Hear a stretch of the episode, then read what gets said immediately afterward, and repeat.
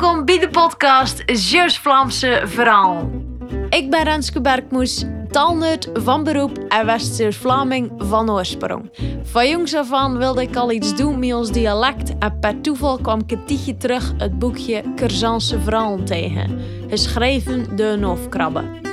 En aangezien ik van mening ben dat een dialect vooral is om naar te lusten, en ik hier voor jou een schone podcast van gemaakt.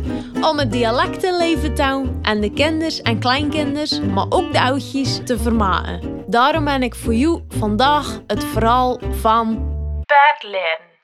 Vroeger werd er bij ons veel werk gemaakt als er een jong paard moest geleerd worden. Het was een hele beharde en het ging volgens een vaste regel. Later is dat de klatten gekomen.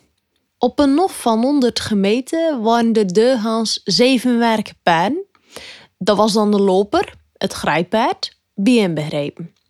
Ze kosten dan inspan, twee tug van drieën of drie tug van tweeën. Dan hadden ze nog een paard over, die moest dan in de bocht springen als er een ziek of krepel was. En als er een doodging door de plagen of in het film was gebleven, dan moest dat paard strabant mee. Dan waren dan nog de de band zeven jonge paarden. Ze durste haren zo'n veertien perskoppen. Dat hing nog alles veel hanoepel. Dat was dan het zenuwwater. Dingste vullens die al een jaar oud waren, werden gesneden in de maand van maart en hing dan de wei in. En de balmessen werden zelfs 18 maanden verkocht op de markt in Brugge, die hing naar de kolom dat wie ook jonge paarden geleverd aan de remonte. Dat is het Hollandse leger voor het paardenvolk. Je moet er rekeningen mee houden dat de paarden van toen niet zo zwaar waren als nu. Ze waren bratter en er zat meer stal in. Die aan dan niet aan de man gebracht waren, die weer niet gespan.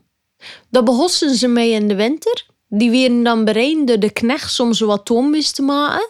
En in persoon menselijke toon de naam te zien. Het echte leren deed ze in een korte maand, februari. Daar kwam er een knecht bij, een derde knecht. Dat leren moest dan aan de kant zien als het werk in het land kwam. Ze pakten een makkelijk aan paard. Een paard dat dan niet meerlijk was en niet kettelachtig. Geen schitachtig paard, om zo te zeggen. Het jonge paard dat dat geleerd moest worden, kreeg dan een naam als hij tenminste nog niet gedoopt was bekende naam bij kappen, trui, plum en pronen. Dan leren deze mail drie.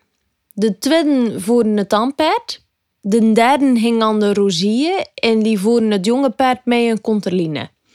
De grote hing achter de paarden en die had een lange persen in zijn naam. Als ze dan vooruit moesten, dan klatten de tweede mee zijn tongen, of die piepten, of die zei: Allee, het tandpaard verstaat dat en die had de. Het jonge paard verstaat dat nog niet en die bleef staan en die kreeg een neuk met de pasen. Eerst en vooral werden ze voor de slee gezet en als dat goed ging, moesten ze voor de wagen. Dat was bij ons met een lange diesel, omdat je dan op de kaaien zonder lange diesel heel weg kon door die aprils. De knecht zat naast elkaar op de wagen.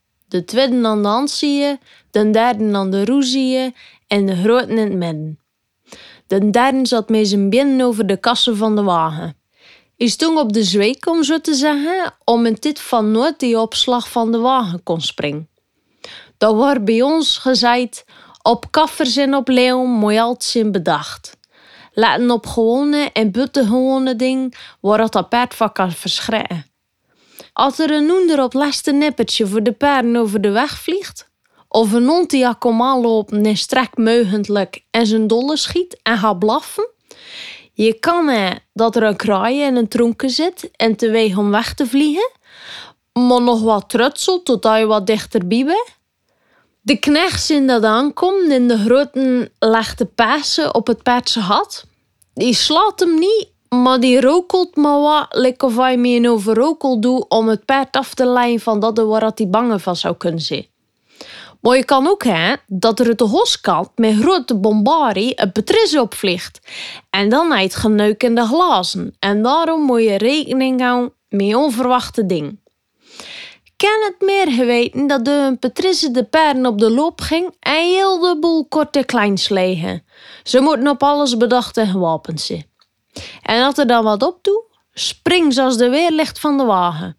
De tweede nou het ampère vast. De derde pakt het roepaard bij zijn tom. En de grote doet de string los. En als die in de warrel zit, pakt hij zijn mes en sniet hij de boel los. En dat dan de pen weer overeind is en de boel gemaakt, dan zeggen ze de brokken binnen heel, niks kapot dat lampenglas en dat was al gebosten.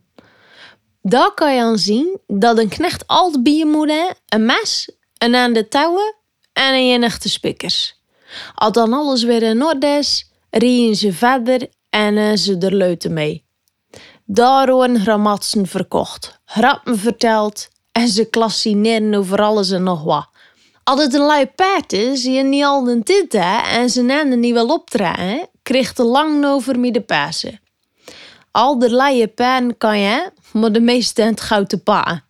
En dan zeggen ze dat alles goed gegaan hè, die heeft zijn lessen te pakken. Eerst dus een examen en die kan lezen en schrijven. Maar je kan ook hè, dan ze de boel van het gat afslaan. Dan mag je in geen geval het span, maar doen. Maar als het helemaal niet gaat, als er een rechte kant aan is, als ze niet wil steken of snie en er geen hoe mee te spinnen is, als in de rond te vliegen, een zou ik maar zeggen, dan wordt de paard het gespan en die span ze dan ook niet meer in.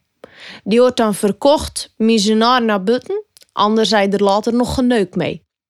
De knechts reden dan rond de polder, de de Wetslangenweg, over de Nogenwegsdik en verder langs Pirochies, uh, waar dat de Zwarte Bram gewoond hè, en langs de Kruisweg.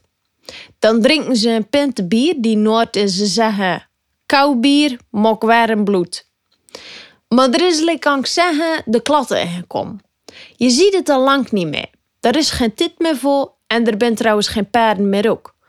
Je begrijpt wel zeker dat de wagen pront was afgescheurd, de pen gebreisterd en de mannen gevlochten. De koperen sterren op doorlappen en de hipsen aan de rekriemen die blonken als zilver. Het grele tug was met tranen gesmeerd. De knechts hadden erop gekust. Ze zagen er niet uit als Pieter Smeerpoets of lik als schapenboer. Het was getopt en gedraaid als een pralwagen en een stoet opgewerkt, dan dat het geen baster of namak was, maar echt en wezentlich. Ik wou dat ik bij machten was om dat geval in beeld te brengen.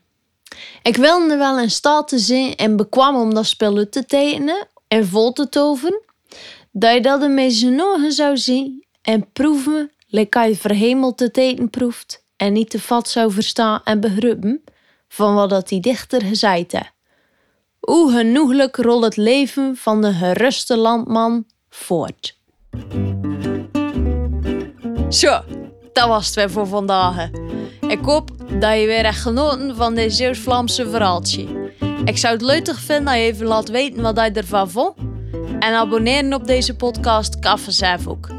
Dan krijg je automatisch een berichtje als er weer een nieuw verhaaltje voor je klaar staat. En voor nu, bedankt voor het lusten en uh, de naastigheid hè.